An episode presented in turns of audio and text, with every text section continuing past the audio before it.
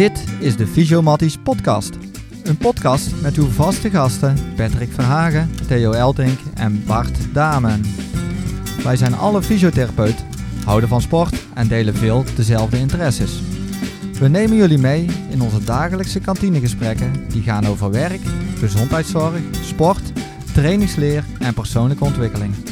We diepen onze kantinegesprekken uit tot een podcast waarin we oprechte interesse tonen en nieuwsgierig zijn naar elkaars standpunten en opvattingen. We nodigen gesprekspartners uit die ons weten te inspireren en te verwonderen, of die ons kunnen helpen in de zoektocht naar kennisverbreding en verdieping. Nog even dit. Vind je onze podcastserie leuk? Vertel het door. Like onze social media kanalen of deel ze. Je kan je ook abonneren op onze podcastkanalen, zodat we nog meer luisteraars kunnen meenemen in onze verhalen. Heb je tips, suggesties of rectificaties? Stuur ze dan naar info.visio-sportrevalidatie.nl Alvast bedankt voor het luisteren en we zijn benieuwd wat je ervan vond.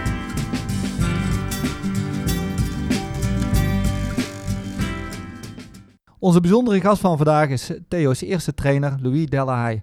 Louis is trainer van toppers als Annemiek van Vleuten, Marianne Vos, Robert Geesink en een aantal top triatleten. Hij is jaren verbonden geweest aan de Rabo wielerploeg, wat daarna Blanco werd, vervolgens Belkin, Lotto NL en nu het huidige Jumbo-Visma wielerploeg. Sinds 2018 is hij zich meer gaan richten op de triathlonsport. En dit jaar is Louis als hoofdcoach van de Triathlonbond naar de Olympische Spelen geweest. Ja, welkom uh, Louis. Hallo. Ja, leuk. Ja, we hebben van de zomer net na de Olympische Spelen hebben we al even contact met, uh, met elkaar gehad. En ja, nu op is de opname van onze, van onze podcast hebben we eindelijk het gesprek weten te plannen. Um, jij was druk, wij waren druk. Je bent op vakantie geweest, begreep ik. En uh, uh, ja, vandaag is het dan eindelijk zover. Inderdaad, ja, ja. leuk.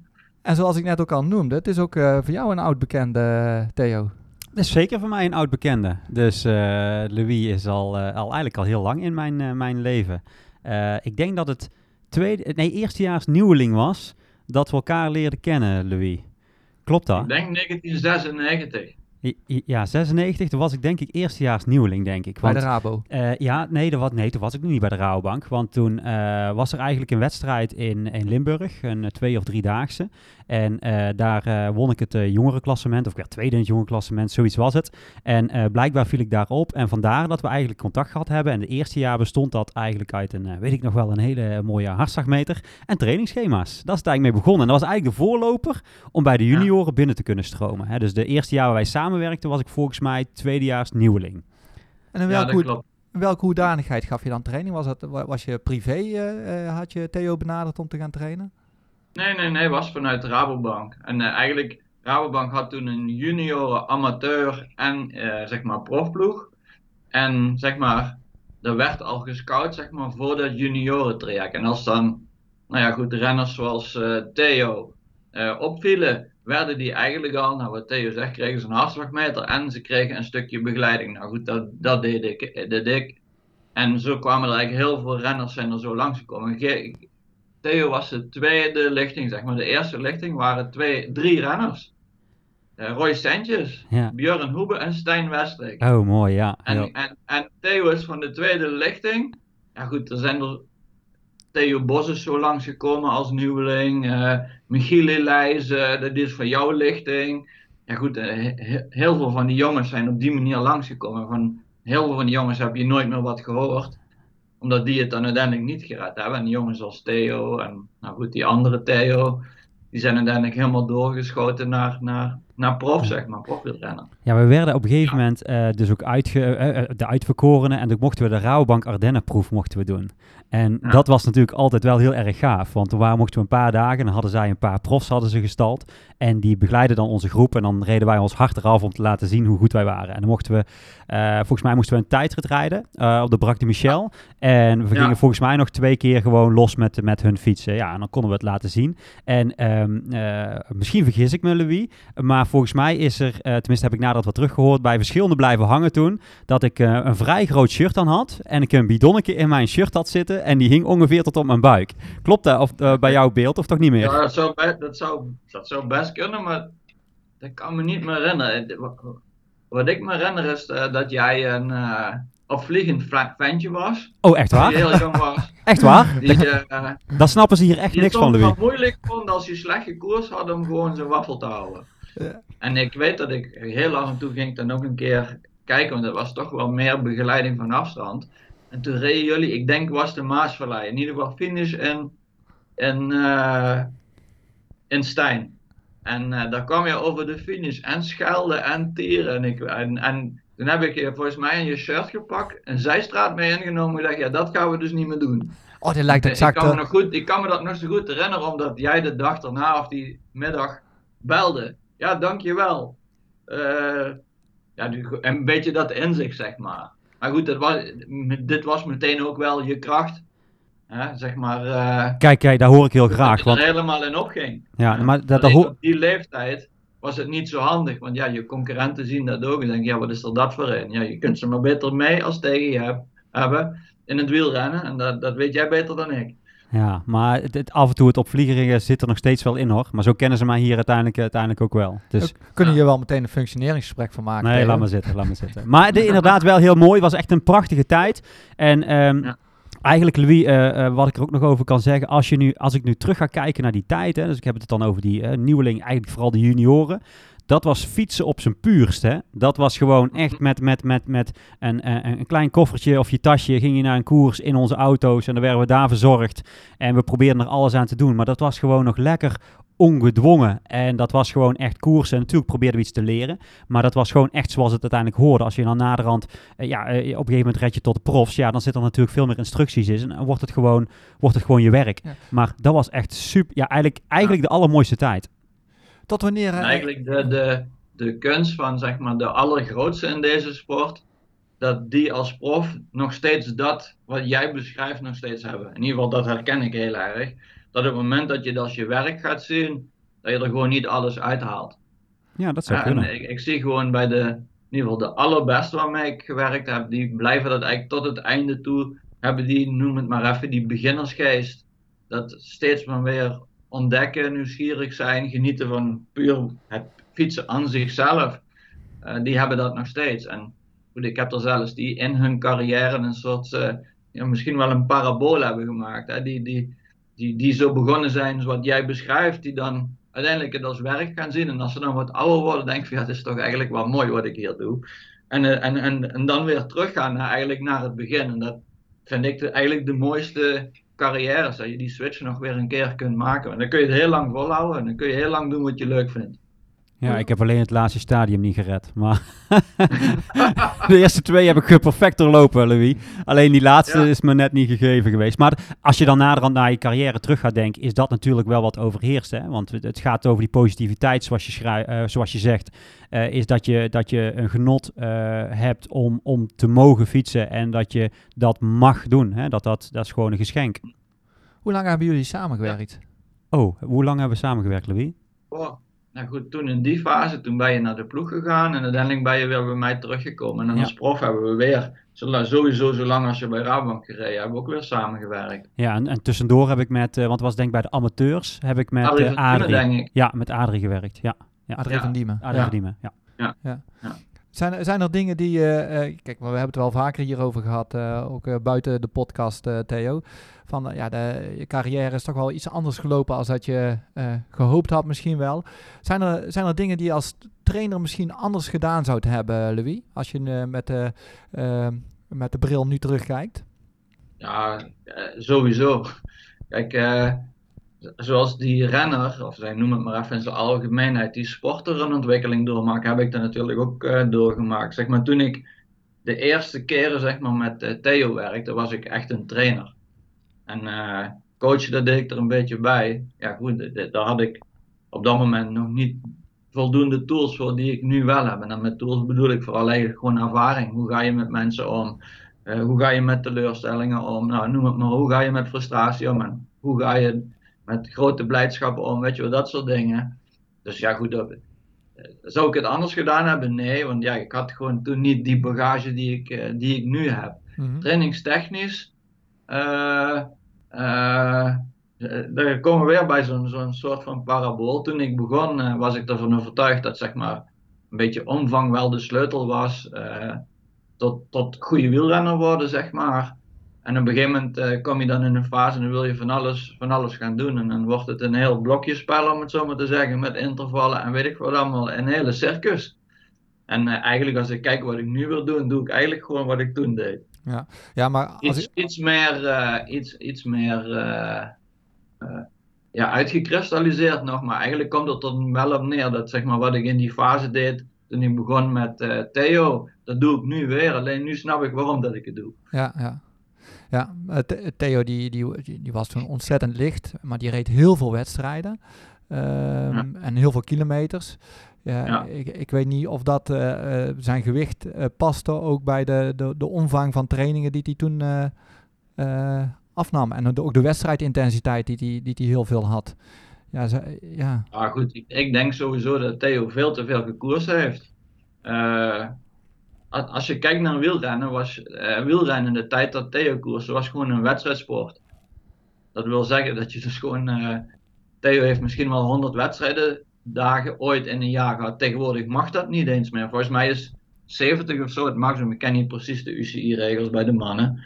Maar uh, ja goed, dat zijn er al 30 meer voor een jonge renner. Een jonge renner die is ook nog eens klassementsrenner is. En dat ook nog in een bijzondere tijd.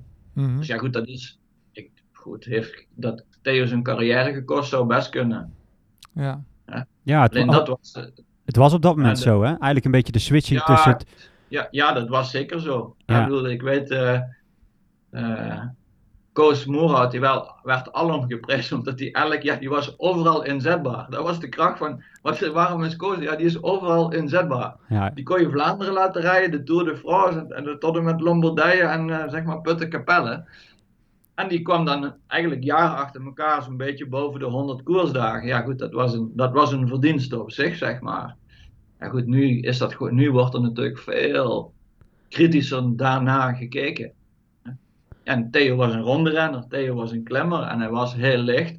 Dus aan zich is dat gewicht niet zo'n probleem, alleen in combinatie met heel veel koersen en ook niet zeg maar, de manier waarop nu met voeding wordt omgegaan, dat er gewoon ook echt alles aan gedaan wordt om zeg maar, die energie die je verbruikt gewoon ook goed aan te vullen. Of te zorgen dat je al vol zeg maar, aan de start uh, staat.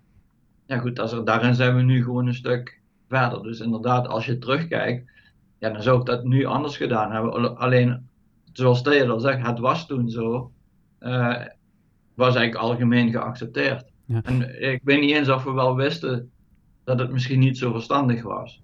Ik heb dat naderhand ook pas begrepen natuurlijk toen ik uh, de studie fysiotherapie ben gaan studeren. Toen ik natuurlijk nog meer inzicht kreeg in trainingsleer, et cetera, et cetera. En wat voor blessures er ja. overal kunnen komen. En dan komt het stukje overtraindheid uh, om de hoek. En uiteindelijk uh, ben ik gewoon, heb, ik, heb ik dat natuurlijk zelf ook toegelaten. Maar is het gewoon een, een, een, een kwestie van zware overtraindheid geweest die in, in, in alle vormen heeft aangenomen. En ik ben altijd fanatiek geweest en ik heb er altijd, als het niet goed ging, nog een stapje bovenop gedaan. Ja, en uiteindelijk brak het gewoon een keer op. Maar ja, dat ja. is ook een beetje een inherent aan de tijd waar, waarin we op dat moment acteerden. En uh, zoals je zelf zegt, ja, op een gegeven moment ga je dus een rugzak creëren met nog meer ervaringen. Ja, achteraf, achteraf is, is terugkijken is alles makkelijk. Ja, zo is het voor mij ja. precies hetzelfde. Ja.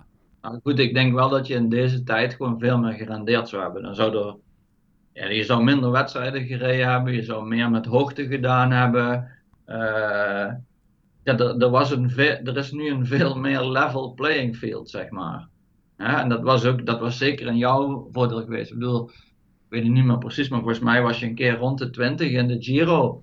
Als je daar nu op terugkijkt, was dat echt ongelooflijk goed. Ja, dat was best ja, oké, okay, als we weten wat er allemaal speelde. In de hele context. Ja, absoluut. Ja, dus, maar ja, goed, daar, daar, daar kunnen we niks meer aan doen. Nee, nee precies. Nou ja, die prestatie heb je neergezet. Dus ja, zeker, zeker, zeker, zeker. Um, ja. Je zegt dat je ook uh, ja, eigenlijk meer, meer, in de, uh, meer coach bent geworden, uh, Louis. Um, ja, een trainer richt zich eigenlijk meer op de, op de voorbereidingsperiode naar de wedstrijd toe. Hè. een, een, coach die is met name gericht op het prestatieverlies te reduceren, zeg maar. Hè, dus hoe, hoe zou je dat, dat dan aanpakken als coach? Ja, hoe zorg je ervoor ja, dat... Jij, jij, zegt dat nu wel. Jij, jij, jij maakt nu een stelling. Een coach is dit, en een trainer is dat. Mm -hmm. Maar volgens mij kun je het niet loszien. Ik doe elke dag coaching. Ja. Maar... Ja, dus zeg maar, ik ben er heel erg van overtuigd dat uh, coaching is voor mij eigenlijk eh, elke dag met de sporter bezig zijn. En hem elke dag de overtuiging geven dat wat wij doen, dat het op dat moment voor die persoon het beste is wat hij kan doen.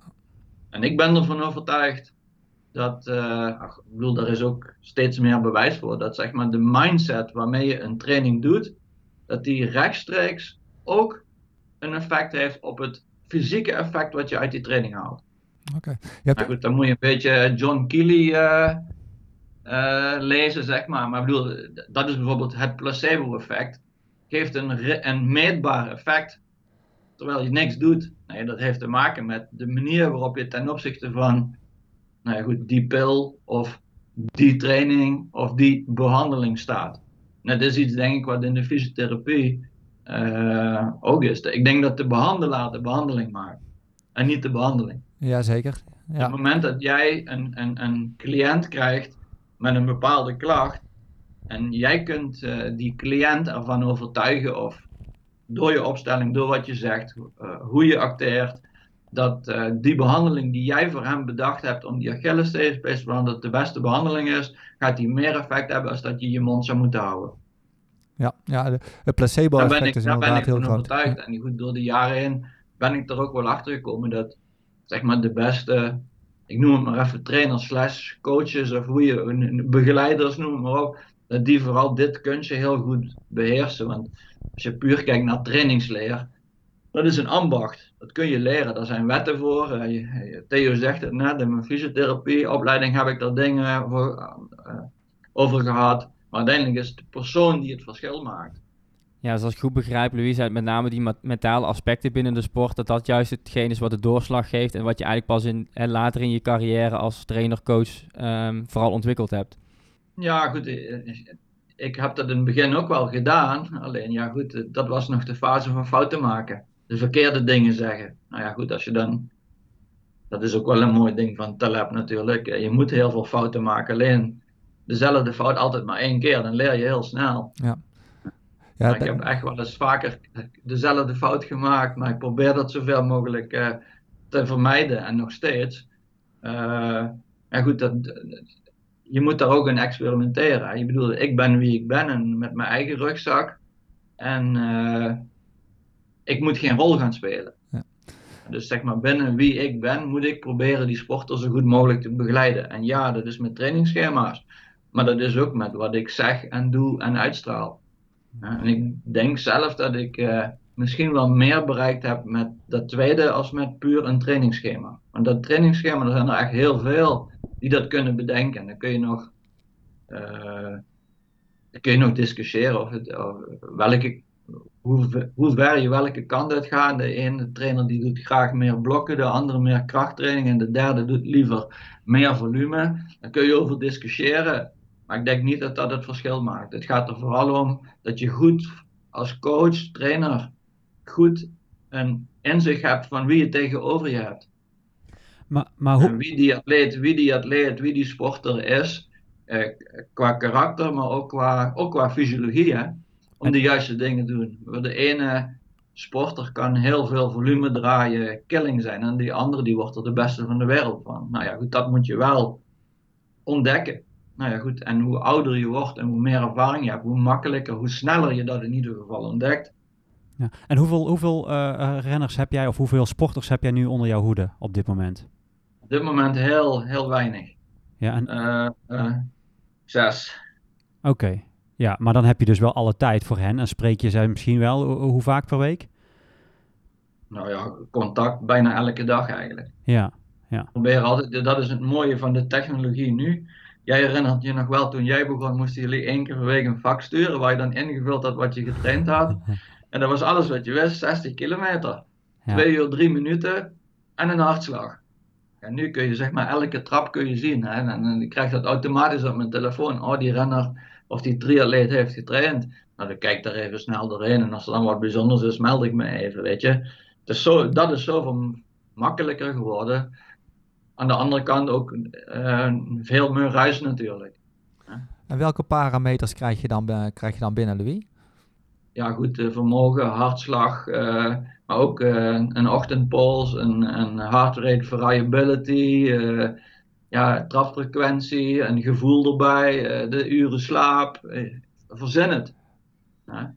Een hoop, een hoop eh, informatie. Dus. Ja, dus nee, da- daarom zeg ik, er is natuurlijk ook veel ruis. Uiteindelijk gaat het er ook om, wat is nou echt de moeite van het reageren waard, om het zo maar te zeggen. Ja, goed, iemand kan een keer een slechte dag hebben, niks mis mee.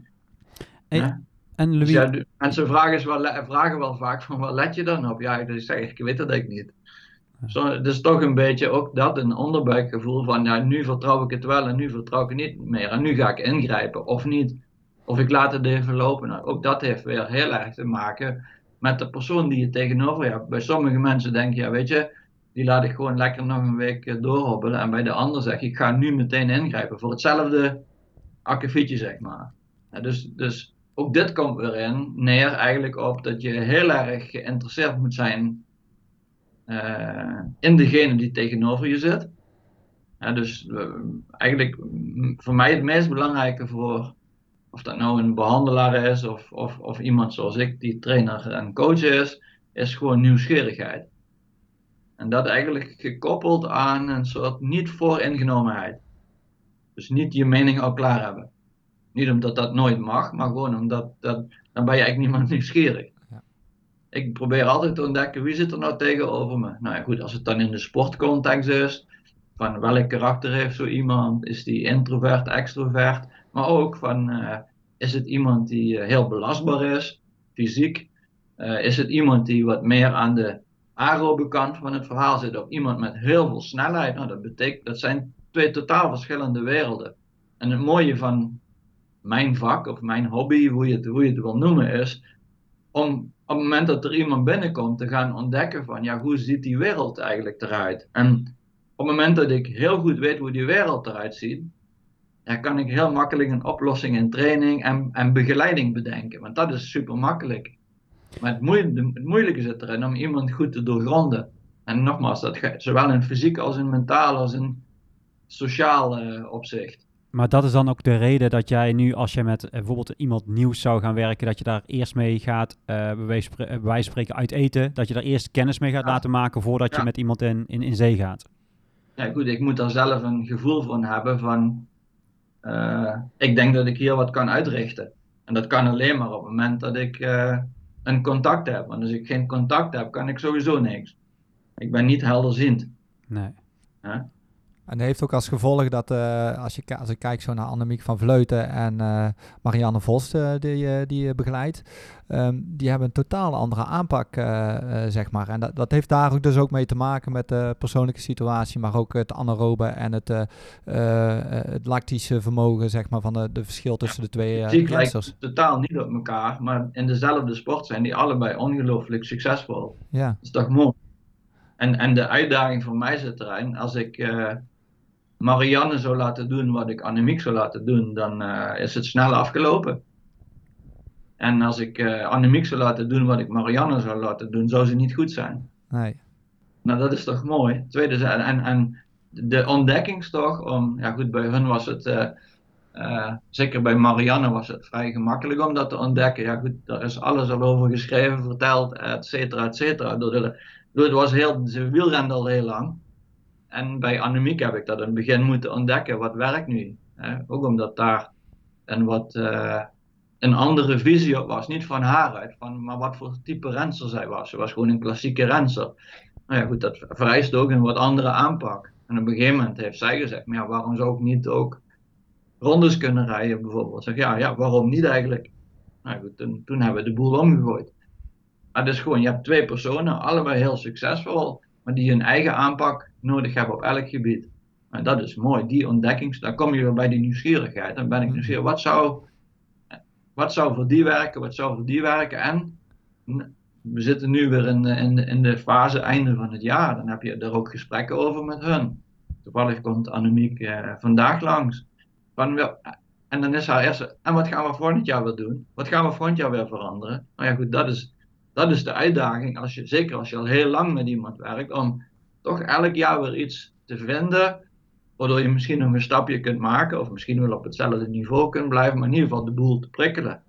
Ja, want de Ook meeste... dat kan ik me in de fysiotherapie voorstellen dat dat speelt. Van ja, je behandelt iemand En een gegeven moment maakt iemand geen stap meer in zijn behandeling. Maar ja, goed, hij is nog niet uitbehandeld. Nou, dan ga je ook op zoek naar, ja, wat zou ik nu nog kunnen inzetten om Ja. die, in dit geval, die cliënt net even nog wat beter te laten functioneren. Nou goed, dat is het mooie van ons vak, zeg maar.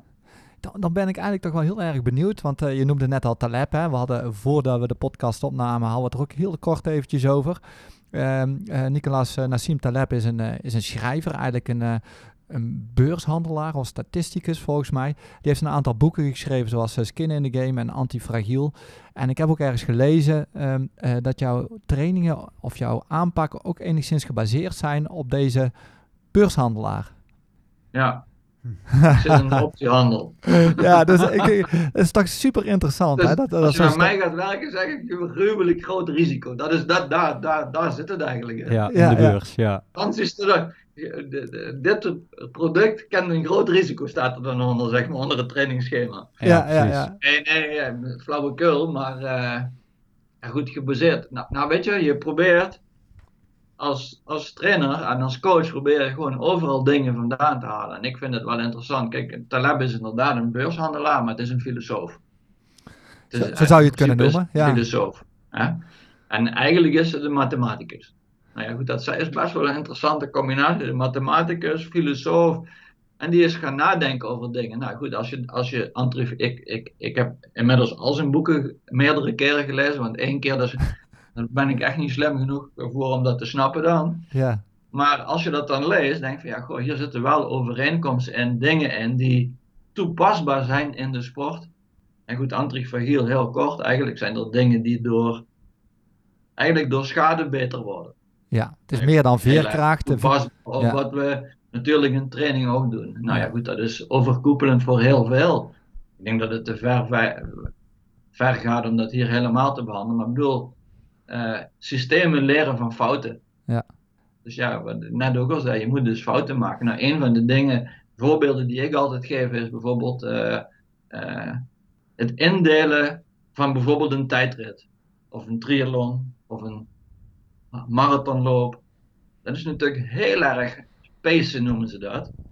En eigenlijk is de kunst, als je 40 kilometer moet tijdrijden, dat je als je over de finish rijdt, dat de tank op dat moment, dat de laatste druppel vanuit de tank in die leiding loopt. Dan heb je het goed gedaan.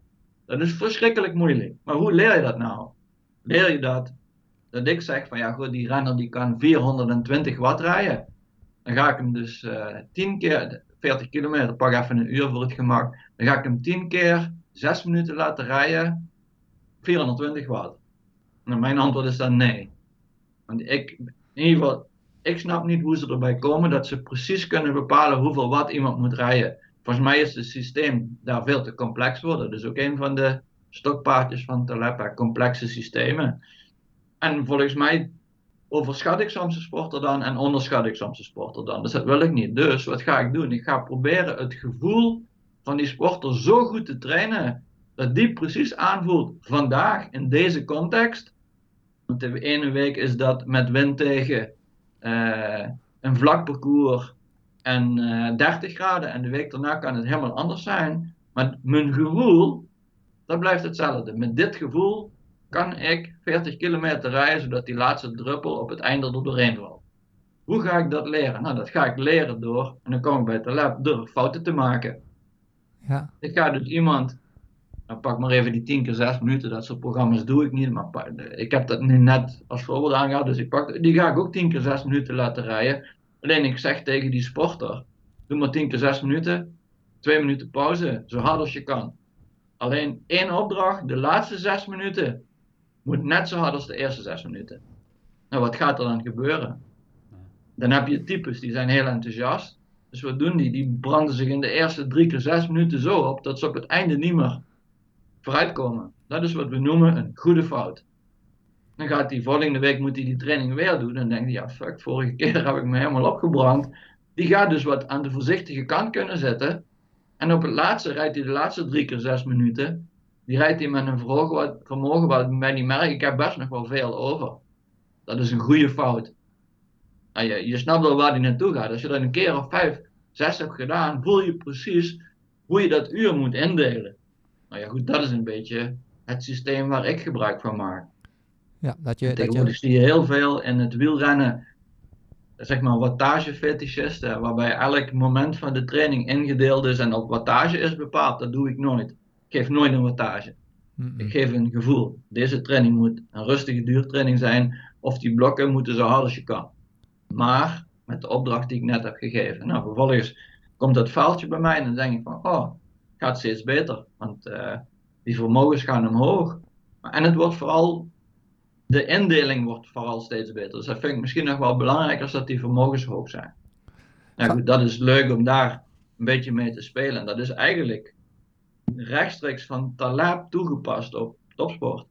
Zou je dan antifragiel, een synoniem zou dan, als ik jou zo hoor eh, vertellen, eh, Louis, zou dat, zou dat supercompensatie dan zijn? Ja, ik geloof niet, ik, ik denk niet dat supercompensatie bestaat, maar dat is weer een andere discussie. Eh, maar je wordt wel, zeg maar, door de fout die je maakt, word je uiteindelijk beter. Als je dat supercompensatie noemt, prima. Dan ga ik daarin mee. Kijk, supercompensatie is iets wat bedacht is, ooit doordat eh training eh, beschouwd werd als stress, dat is het ook wel. En dat we het, ooit het eh, General Adaptation Syndrome hebben gehad. Hè? Hans Sally, hebben jullie in de opleiding ook gehad? Hè? Weet je wel, die adaptatiecurve, hè? supercompensatiemodel. Alleen ja, goed, dat, dat, dat ziet er heel mooi uit, alleen het zit niet zo in elkaar. Het is niet zo van ik dien een prikkel toe, vervolgens gaat het systeem kapot en ik ga vervolgens beter ervan worden. Ja, wat wordt er beter? Ja, ja. Nou Als ik ja, naar bijvoorbeeld je glycogeen kijk, ja, dan klopt die curve misschien wel. Maar er zijn nog zo'n beetje 1 miljoen factoren die zich moeten aanpassen en dan klopt het misschien wel niet. Dus ik kijk niet op die manier naar training. Oké, maar ehm, je, zo be- beschouw je dus het, het, het trainingsaspect. En we weten daarvan, eh, eh, met trainen, dan, dan, dan word je daarin eh, in beter, eh, wat je nou eh, juist zegt. Eh, Ja. eh, met voeding benaderen we het eigenlijk wat minder zo. Hè? Dat, kijk, Taleb die zegt van, ja, als we trainen, het lichaam eh, eh, dus een, stress, een stresstoestand brengen, ja, daarna krijg je dus eigenlijk dus, eh, dat hij dat die terug, terugkeert naar een betere situatie. Ehm, hoe kijk je daar naar voeding dan? Want eigenlijk zou je daar dan ook een stressor Voeding toe is een heel, doen. ru- heel ruim begrip. En met voeding kun je spelen. En als je het dan binnen deze context ziet, kijk, ik, ik noem het woord context en dat doe ik heel bewust. En voor mij, en eh, die term de trechter, eh, Theo kent hem, Jean Jansen, daar heb je, die, die Ja. ken je ook nog wel, denk ik. Ja, ja. Eh, die gebruikt dat woord altijd. Maar eigenlijk alles wat je doet, kieper je in een trechter. En aan de onderkant noem ik maar even, komt er adaptatie uit. Dus als ik twee uur ga fietsen, dan is dat maar één onderdeel van de context.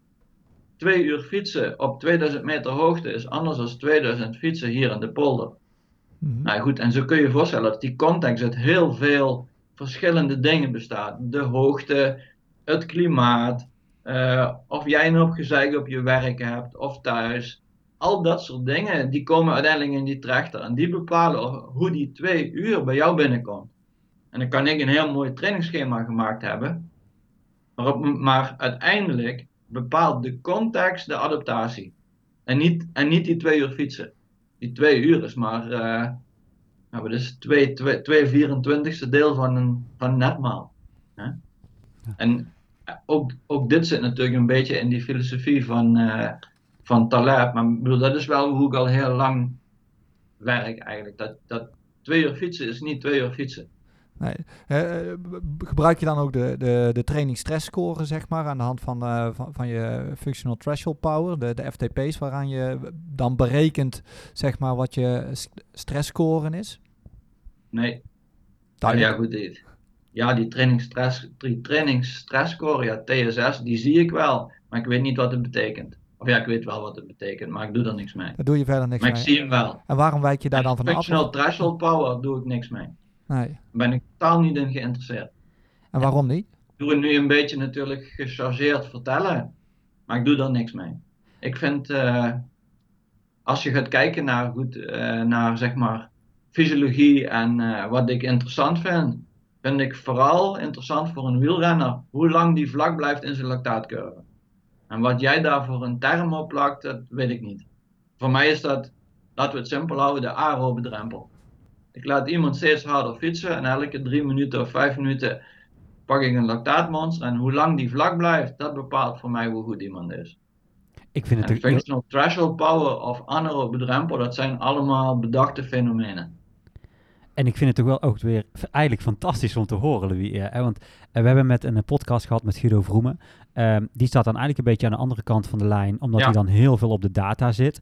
Eh, en dat er toch twee compleet uiteenlopende plannen kunnen zijn met een bepaalde renner. En dat die toch allebei tot succes kunnen leiden. Dat vind ik uiteindelijk wel weer Ja. fascinerend. En wat ik dan zit te denken, Louis, want je hebt zes mensen die je op dit moment eh, begeleidt eigenlijk.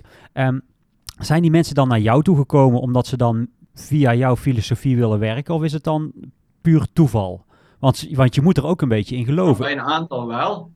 Ik bedoel, Annemiek is, naar, niet, Annemiek is naar mij toegekomen. eh, mede omdat ze dacht dat wat jullie net bij Guido schetsen, dat ik zo'n coach was. Oké, en het is, blijkt compleet anders Nou te ja, zijn. Uiteindelijk zijn we toch samen begonnen. Ja, Dan zijn we helemaal, of in, in haar geval zijn ze helemaal geswitcht van ja, zeg maar een data-gedreven persoon naar iemand die eigenlijk ook alles op gevoel doet. ja, ik bedoel, ik doe dat niet omdat ik een gevoelsmens ben. Ik doe dat omdat ik eh, data, nogmaals, ik zeg het gechargeerd, zeer zeker gebruik. Alleen ik vaar er niet blind op. Ik geloof niet dat je tegen iemand kunt zeggen: je moet die duren op dat vermogen doen. Ik, ik vind dat gevoel zo essentieel, omdat je in de wedstrijd ben je ook op jezelf aangewezen. Dan kan ik wel zeggen: rij 400 watt, maar als de rest harder rijdt, ben je gelost. Zou Ja. ik toch gewoon in het wiel blijven zitten. ja. Snap je? Ja, nee, dat snap ik. Dat, Als jij eh, een, een, een Mathieu van der Poel nu ziet, ik denk dat die ook heel ex- extreem in die kant eh, zit. En ik denk uiteindelijk, als het om beslissingen in koersen gaat, is dat wel heel erg belangrijk. En dus ja, ik gebruik test en ik, ik ben zelfs een fan van test, alleen ik kijk naar andere dingen. Ja. En Jean die zei, eh, zei altijd van ja goed, ik heb ooit eens een keer iets geschreven over lactaattest, omdat ik in die tijd was het allemaal nieuw en ja, ik deed honderden en duizenden van die testen. En soms snapte ik gewoon dingen niet en dan kwam ik met die vragen daar terecht. En dan zei hij ja, drempel, drempel, drempel. Wat is nou het typische van een drempel? Nou goed, en dan stotterde ik en weet ik veel wat allemaal. Ja, wat is nou, ik kwam er niet uit. Ja, zegt hij, over een drempel kun je stijl struikelen. En als je er niet over kunt struikelen, dan is het geen drempel. Nou, dan leg ik jou 100 lactaattesten voor en dan wijs jij me maar eens aan waar die drempel zit. Dat kun je niet. Dat kun je niet. ja, ja. Want in 90 van de 100 is geen drempel te zien. Dus wat hebben we afgesproken? Ja, dan doen we wel die drempel bij 4 millimol. Dat is gewoon afspraak. Dat is fysiologisch geen reden. Of we doen de drempel daar waar die 2,5 millimol boven de rustwaarde zit. Dat is ook een afspraak. Of, weet je wat we doen? Die drempel doen we daar waar de raaklijn aan de grafiek 51 graden is. Of 53. Of we pakken een raaklijn aan het liggende deel van de curve, aan het staande deel van de curve. En waar die elkaar snijden, dat is de drempel. Nee, dat is geen drempel, dat is gewoon een afspraak die we gemaakt hebben. Daarom vind ik dat totaal irrele- irrelevant, die drempel. De enige drempel die ik interessant vind, dan kom ik weer terug op wat ik net zei, is hoe lang blijft die curve vlak? Want dat zegt iets over je aerobe gebied. En dat is in een aerobe, in een uitdagingsport, verschrikkelijk belangrijk. En die drempel kun je zien, want dat is gewoon het eerste moment dat je lactaat gaat stijgen. Dat, dat is geen afspraak, dat kun je zien. Amen. ja, mooi. Ja. Maar, maar ben je bijvoorbeeld dan met, met Robert, hè? want je bent met Robert ontzettend lang al een trainer. Want hoe lang coach je hem al? In principe maakt eh, Mathieu sinds Ah. eh, 2019 zijn trainingsschema en ik Ja. coach hem nog steeds. Ik heb hem gisteren nog gezien. Ah, Hij ja. was gisteren even in Nederland. Ja, ik Ja. zeggen, want het is uiteindelijk best lang. Als je iemand lang traint, ook moeilijk om telkens maar weer een klein eh, aspect te vinden wat je kunt veranderen. Of is het juist zo van, nou, de kracht zit hem wellicht in de samenwerking doordat we elkaar zo goed kennen? Ja goed, ik, ik, ik geloof wel in lange trajecten, maar dat, dat is niet alleen van mij afhankelijk, maar ook van de renner. Ja. Ik bedoel, ik heb bij, eh, eh, bij Rabobank met sommige mensen heel lang gewerkt. Ik, heb ook met, eh met Bouke tot het einde heb ik eh, acht of negen jaar gewerkt. En met Steven heb ik heel lang gewerkt. Alleen daar hadden we op een gegeven bijvoorbeeld bij Steven hadden we op een gegeven moment het idee van hij moet eens wat anders. En die is toen naar Marijn gegaan en dat heeft hem echt nog een flinke push in zijn carrière gegeven. Alleen bij Robert hebben we op een gegeven moment ook gezegd, trainingstechnisch misschien, dat Mathieu nog eens een nieuwe input Ja. kan geven. Ik denk dat dat een, eh, een goede beslissing is. Alleen hij vindt het dan prettig om met mij ja, goed, eh, te reflecteren op, op wat hij doet of wat hij tegenkomt. Ja. En dat is de rol die ik daar mag spelen. En dat kan ook. En ik vind dat heel prettig. Kijk, eh, we hebben heel veel samen meegemaakt natuurlijk. Ik bedoel, die Ja. kwam net zo binnen zoals jij binnenkwam als Ja. jong ventje. Ja. Toen die, en in zijn geval, die was iets ouder als jou. Die was 19, denk ik. Ja, 19. Ja goed, die is inmiddels 35. Ja. Ja. Louis, ja, ik geloof wel in die lange trajecten, dat als je iemand goed kent, eh, maar de- de- dat die samenwerking heel efficiënt kan zijn. Maar je moet elkaar binnen zo'n traject wel blijven uitdagen. Ja. ja, mooi. En wat ik, wat ik zelf ook echt wel geleerd heb, eh, Louis, ook van jou, is het feit van eh, een trainingsschema heb je gemaakt om er vanaf te wijken. Oftewel, moment dat je die dag jezelf niet goed voelt, moet je durven om ook uiteindelijk een andere stap te zetten. Of het moment dat je, eh, het, het regent, moet je, moet je misschien die dag helemaal geen zes uur gaan trainen, maar is het morgen wel droog, dan ga ik dus uiteindelijk iets aanpassen. Ik ben een type die eigenlijk via, de, via een, een, een bepaalde stramien leeft. Hè. Je, je, zegt, eh, je zet bij mij op papieren, je moet dit doen en dan voer ik het uit. Maar dat heb ik wel uiteindelijk geleerd om op jezelf te vertrouwen. Om dus die aanpassingen te kunnen en te mogen en te moeten maken. En dat vind ik altijd, Ja. dat heb ik tot nu toe altijd nog wel. Ja, ik train niet zoveel meer, maar eh, ja, dat heb ik altijd wel heel fijn gevonden. Ja. Nee, ja, goed, ik denk dat, ik denk dat je daar eh, gelijk in hebt. Ik maak altijd op maandag trainingsschema's. En eigenlijk eh, ben ik daar, nou goed, voor de, even, pak maar even die zes dan weer. Heb ik misschien een uur, anderhalf uur voor nodig, hooguit. En dan zit mijn werkweek erop. Hè? Alleen zeg maar, precies wat jij benoemt, zeg maar het aanpassen en dat is waar ik me, dat is, dat is en wat het leukste is, maar dat is ook van, ja goed, eh, een van de, van, de, van de sporters die had eh, wat, wat gezondheidsachtige problemen, ja daar zit je nu elke dag bovenop van, we hebben een programma gemaakt voor deze week, daar zijn we dus nu al, het is nu woensdag hè, daar zijn we dus van afgeweken, prima. Maar goed, wat, per dag bekijken we nu van, ja, zullen we weer oppakken of houden we nog even terug? Nou, dan is het heel belangrijk om die communicatie, dat, dat contact, dat vind, dat vind ik en mooi. Maar het is denk ik ook heel belangrijk om het optimale uit dat schema wat je dan bedacht hebt, waar wel een idee achter zit, om dat daaruit te halen. Ja. En dan ben ik heel erg afhankelijk van jou als sporter. Ja. Op het moment dat jij me niet de goede informatie geeft, ja, dan kan ik er ook niet zo heel veel mee. En wat ik net zei, ik ben niet helderziend. Ja. Ja, dus, dus ook dat is iets van, van die communicatie is ook iets wat natuurlijk moet groeien. Ja. En wat, wat, je, wat je deelt met je coach en wat niet. Ja. Ja, goed, dat is, dat, die relatie opbouwen vind ik een van de mooie aspecten van het vak. Maar ik denk ook heel erg belangrijk om datgene wat ik misschien in, mijn hoofd heb als trainingsconcept, om dat maximaal te laten renderen. Ja. En, bedoel, eh, en daar ben ik afhankelijk van de sporters. Dat kan ik, dat, dat kan ik zelf niet. Maar mooi, eh, nogmaals, terug mooi om te zien hoe je ten opzichte van andere coaches dan waarschijnlijk anders zult werken. En jij zult ook niet in staat zijn om dit voor 50 mensen tegelijk te doen. Want je kan niet in 50. Nee, Ja, daar, nee. ga, is veel te intensief voor. ja. ja. Nou ja, goed. Ik, eh, nee, dat, nee, goed. eh, 50 mensen, dat kan ik niet. Nee.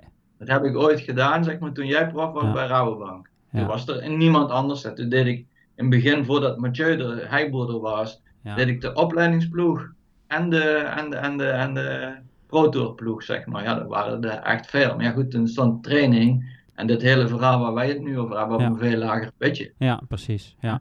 Toen was, mensen waren toen blij met een trainingsschema. Nou ja, prima.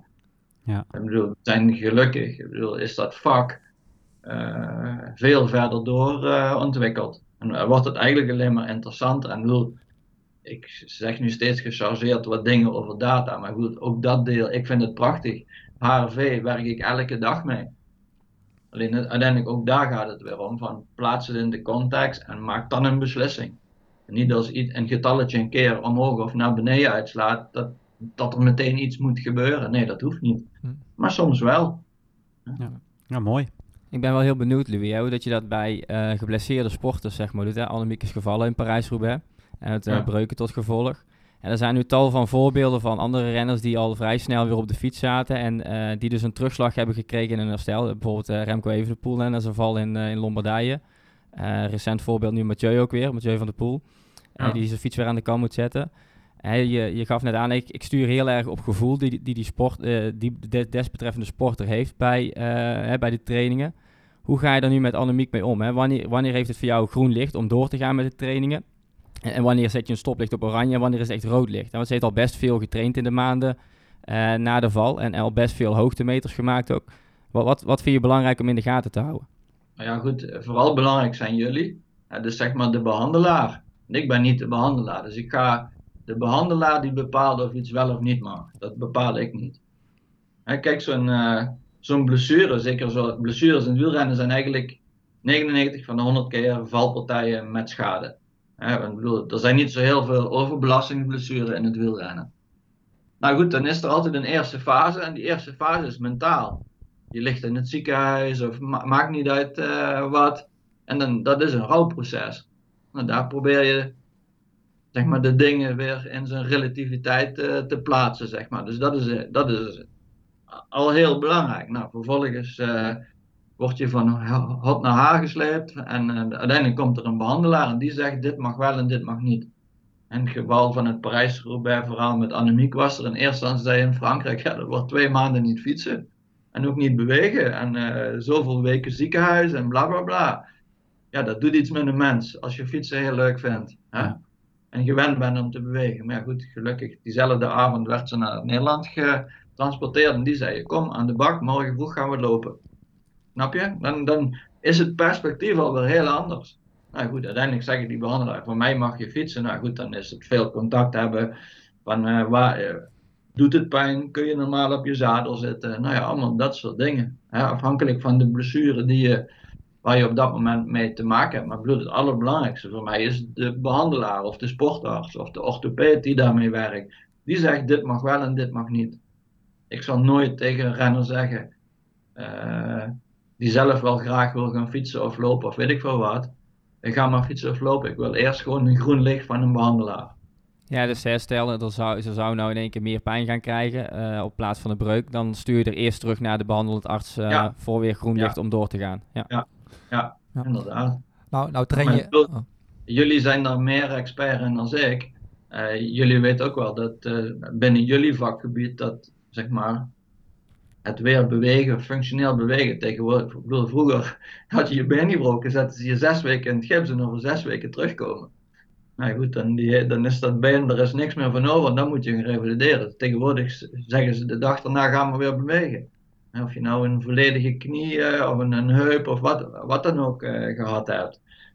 Die inzichten zijn natuurlijk ook veranderd. Maar waardoor revalidatie, zeker voor topsporters die daar ook nog eens heel erg gemotiveerd in zijn, best wel snel kan. En ik probeer, en dat is misschien wel een voordeel vanuit mijn triathlon-achtergrond, in alternatieven te denken. Ja goed, als je niet kunt fietsen, misschien kun je wel zwemmen, ik noem nog maar wat. Hè. En vaak is het zo dat je niet kunt lopen bij, met name in de triathlon, ja, dan heb je of gevallen of je hebt een blessure. Maar vaak kan fietsen en zwemmen nog wel. Nou ja, goed, ik weet inmiddels dat je door fietsen geweldige loopvorm kunt opbouwen. Nou ja, goed, dus ik probeer, ik probeer ook in alternatieven te denken. Uiteindelijk wat die sporter wil is gewoon bewegen. Want daarom, om die reden is die ooit met dat hele spelletje begonnen. Dus ja, laat ik hem vooral proberen even weer blij te maken met bewegen. Nogmaals, als het mag van de behandelaar. En ook als dat kan in, in alternatieven. Marianne heeft een, uh, die liesoperatie gehad. Nou goed, uh, toen mocht ze niet fietsen. Maar ze mocht wel op zo'n elliptico. ze heeft gewoon vijf of vijf weken geelliptico tot vier uur per dag. Nou, die was vet toen ze begon te fietsen hoor. Maar je kunt ook zeggen, ja, maar we wachten gewoon af. Want ja, ze kan niet fietsen. Ja, en ik vind wandelen niet leuk en hardlopen niet leuk. En alles wat ik mag. Ja, goed, dan wachten we vijf weken. Maar kun je je voorstellen op topniveau wat je dan een achterstand hebt. Ja. Dan is het mooi als sporters ook met je meedenken en zeggen: hey, kunnen we niet een alternatief bedenken? Ook al is dat dan voor de fietser geen fietsen en voor de loper geen lopen. Ja, ik denk in het verschil met de, de meeste patiënten die wij zien, uh, wij zullen ze wat meer moeten motiveren en jij zult eerder een sporter af moeten remmen. Ja, inderdaad, klopt. Helemaal eens. Ja. Ja, hoewel ik denk, ook wel denk van, uh, ja, je neemt de weerbaarheid uh, van, het, uh, van het wielrennen misschien ook wel mee naar de, naar de triathlon. Hè? Wat, je, wat je net zegt, hè? Die, die, een wielrenner die heeft vaak te maken met valpartijen, breuken. Um, kijk maar naar een Tour de France of een Giro, hè, waar iemand drie keer op zijn snuffert ligt, weer op moet staan en weer verder moet rijden. En Ja. in de triathlon, eh, ja, daar komt dat eh, natuurlijk veel minder, eh, minder, eh, minder voor. En misschien gebruik je dat, ja, de technieken die in het wielrennen te begeleiden om eh, mensen te motiveren, ook al in, het, eh, in de triathlonsport. Nou goed, zeg maar toen ik met trillen begon, zag ik dat heel anders. Toen, was eigenlijk, toen kwam dat steren er eigenlijk in, hè, in, de, in de Olympische trillen dan. En ik dacht van ja, nu is het heel simpel. Je moet hard zwemmen. Lekker op je gat blijven zitten in die groep en dan vervolgens hard lopen. En ook daar was de training op ingeschaald. Alleen ja, dat had ik toch, naar ik nu in zie, he- helemaal fout gezien. Nee, ja, toen wist ik niet wat ik nu wist. Nu haal ik eigenlijk de bulk van mijn training uit het fietsen. Zeg, je hele fitheid haal ik uit het fietsen. Waarom? Eh, dat is net zo behoorlijk effectief voor het lopen. Het is he- heel laag belastend. Je kan er makkelijk veel uren maken. Je wordt er super fit van. En wat ik lopend doe, doe ik dan wel wat specifieker. Nou, wat blijkt, dat werkt fantastisch. En mensen die met relatief weinig loopkilometers heel hard kunnen lopen. Want wat telt uiteindelijk niet hoeveel loopkilometers je maakt, maar dat je dat consequent kunt blijven doen. Nou ja, dan, dan, dan is het toch handig als ik ze niet te vaak bij jullie op de bank heb liggen. Ja, ja. Hè, dus ze niet geblesseerd laat worden. Nou ja, je weet, door veel te lopen is het blessurerisico een stuk groter. Dus ja, goed, weet je, dan haal ik er een looptraining uit. En in plaats daarvan ga ik een keer extra fietsen, heb ik wel mijn uren gemaakt. eh, maar met minder risico, waardoor ik het langer kan volhouden. En dat zorgt eigenlijk gewoon voor meer progressie. Ja Ik dat, Dat is wel de consistentie. En goed, ik weet niet hoe dat in jullie vak is. Maar in mijn vak is consistentie. Dus het gewoon maar domweg gewoon week na week na week na week doortrainen. Dat dat een hele hoop oplevert. Dat je niet te veel onderbrekingen moet hebben door of ziekte of door blessures, dat soort dingen. Dus ja, dat is wel een prioriteit bij bijna elke keuze die ik maak. Van hoe hou ik ze aan de gang? Nou, nou is het voor, eh, voor wielrenners eh, al vaak een hele puzzel om, eh, eh, om een periodisering voor elkaar te krijgen. Ja, het lijkt me zo dat dat voor, eh, voor triatleten, waar je drie sporten combineert, nog een veel grotere puzzel, Louis.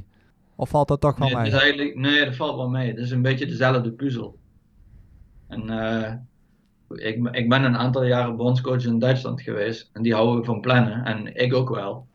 Dus ja, goed, daar, daar had ik alles helemaal uitgewerkt. Alleen als je dan na zo'n jaar terugkijkt van wat is er nou uitgekomen van wat we gepland hebben, is dat heel weinig, als het goed is. Want dan ben je dus flexibel in je planning. Dus ik doe dat nog steeds. En ik maak nog steeds een planning met, zeg maar, accenten per periode. Alleen niet meer zo streng als dat ik ooit voor mezelf was.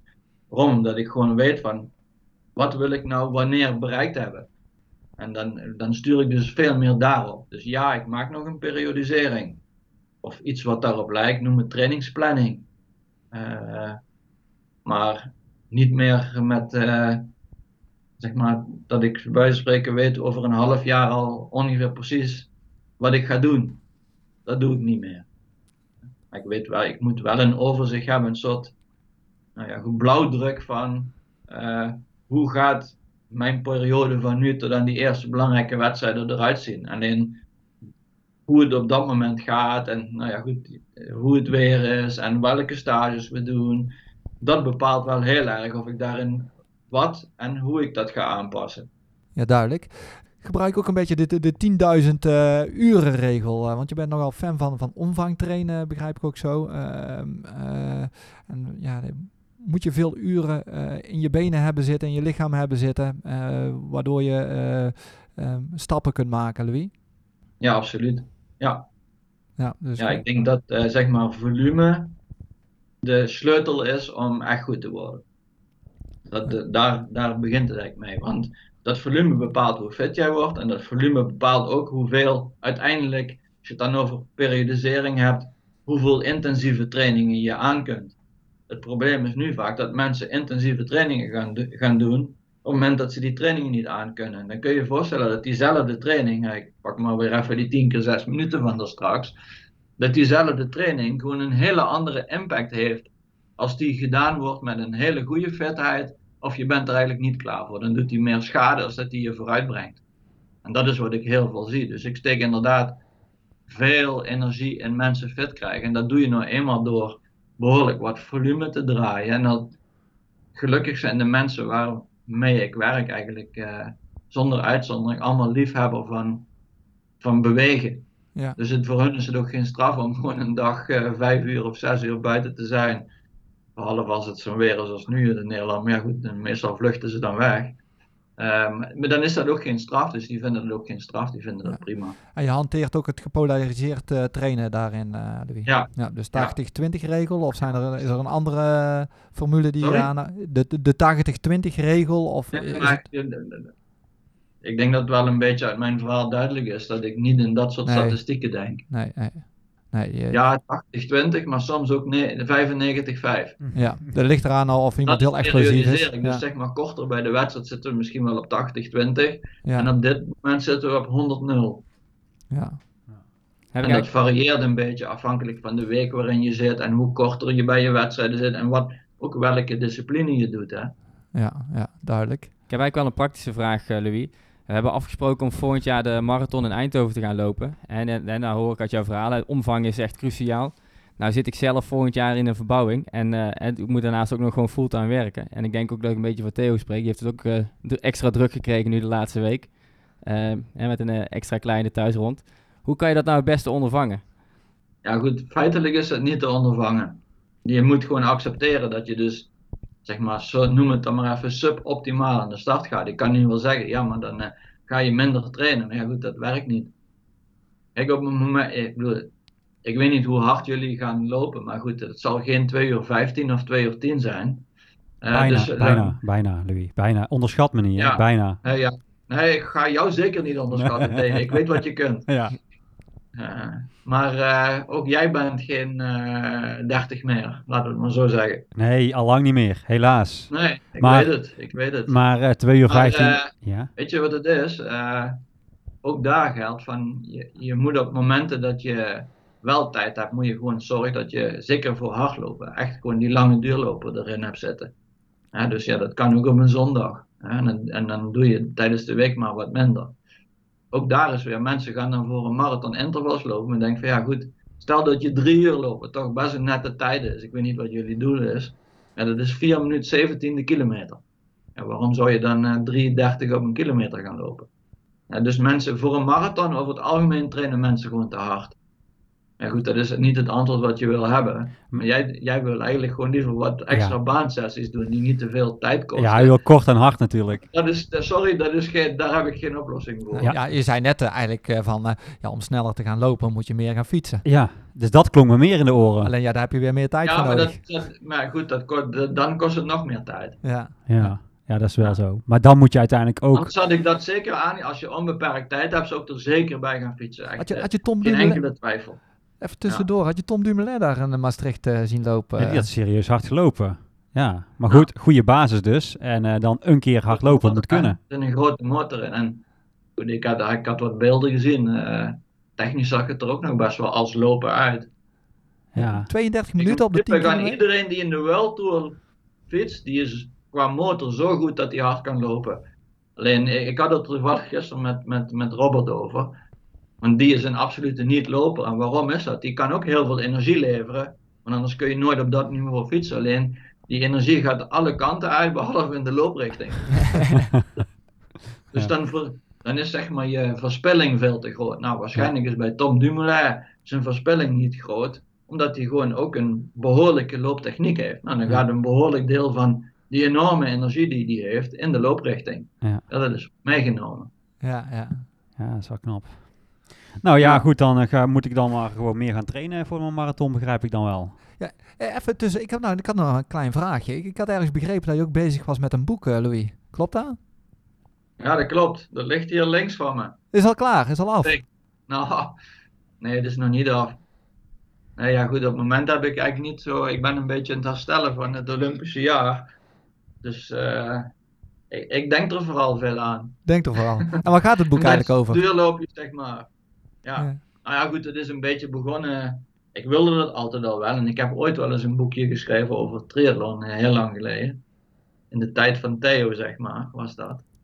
Uh, Theo junior, uh, zeg maar, toen je nog junior was. Ja, ja. En uh, ja, goed, op dit moment, zeg maar tijdens die coronaperiode, ik had gewoon heel veel gelezen. Dat is ook die fase dat ik Taleb gelezen heb en zo. En er komen eigenlijk allerlei ideeën op over, over training en over nou, hoe, hoe je dat zou aanpakken. Ik denk, ja, en voor mij werkt dat dan altijd goed als ik dat opschrijf. Mhm. Op een gegeven moment werd dat zoveel. Denk ik, ja, ik kan het ook een beetje aan elkaar schrijven. En toen denk ik van, hoe, hoe breng ik dat nou op, zeg maar, wat in mijn hoofd hier allemaal rondwoelt op een beetje begrijpelijke manier, zodat ik het ook zelf snap, weet je wel. Uiteindelijk gaat het om zelf het inzicht krijgen, niet eens om een boek eh, te publiceren. Ja. Maar goed, daar ben ik mee bezig. Maar ik bedoel, is geen, eh geen halszaag of zo. Ik Nee. bedoel, het heeft mij in ieder geval geholpen om toch nog weer even anders naar training te kijken en bepaalde dingen waar we het nu ook over gehad hebben, dat Taleb-verhaal, hoe integreer ik die nou op de manier waarop ik zelf werk? Ja. Maar het heeft nog geen deadline, eh, jouw boek. Nee, nee. Nee, Nee. nee. Ja. Misschien komt het er wel nooit, het zou best kunnen. Ja. Dan ligt het hier. Maar je hebt er in ieder geval zelf al van geleerd. Dat is het belangrijkste, toch? Ja, nee, absoluut. Eh, ja, voor mij werkt dat heel goed om dingen. Ik heb eh, ja, honderd van die aantekenboekjes door de jaren heen. En dan, als me wat te binnen is, schrijf ik dat op. En, eh, ja, dat, en, en, en nogmaals, om, het gaat er vooral om mijn eigen gedachten te ordenen. Op een gegeven moment probeer je een, wat heet een systeem, in ieder geval de manier waarop ik werk, ook voor mezelf duidelijk te krijgen. ja. Eh, Daarom nee, zijn dit soort dingen vaak leuk, omdat je gedwongen bent om over dingen die je misschien vanzelfsprekend vindt of doet, Na te denken. om dat te verwoorden. Ja. Nou, dat- ja, je, je begeleidt nu zes, eh, zes sporters, vertelde je, Louis. Kunnen er dan nog drie bij? nee, dan moet- dan er zijn ook goden. Dan moeten we hem eerst eh, mee uit nee te nemen. En daarna Ja. zegt hij tegen ons, daarna, te- eh, pas daarna zegt hij tegen ons, nee, het gaat hem en, niet en, worden. en, en de restaurants zijn dicht, dus... Oh ja, ja, ja, ja, ja. ja. Oké, nou, ik denk dat we hier eventjes mee gaan, dat we hiermee gaan afsluiten, toch? Ja, ja helemaal Ja, prima. ja. Ja, nou goed. Opmerkingen, rectificaties. Ja, mogen gestuurd worden naar info.visio-sportrevalidatie.nl Nou Louis, van harte bedankt. Was een leuk gesprek. En ik denk dat we nog wel een tijdje door kunnen gaan eh, eh, met de podcast. eh. maar ja, ook wij moeten weer aan de gang. Ja, nou dankjewel voor, eh, voor alle mooie informatie, Louis. Wij zijn heel erg blij Ja. met jouw hulp. Leuk, leuk in ieder geval jou nog eens een keer te zien. Ja, Hè? ja, ja, we moeten eigenlijk gewoon een keer afspreken, Louis. Wanneer het weer een keer mag.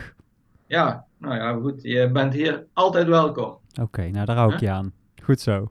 Ja, hartstikke bedankt eh, Louis voor, je, voor het open gesprek. En heel veel succes de komende jaren eh, samen met je Ja, atleten. dankjewel. Jullie ook heel veel succes met de praktijk daar.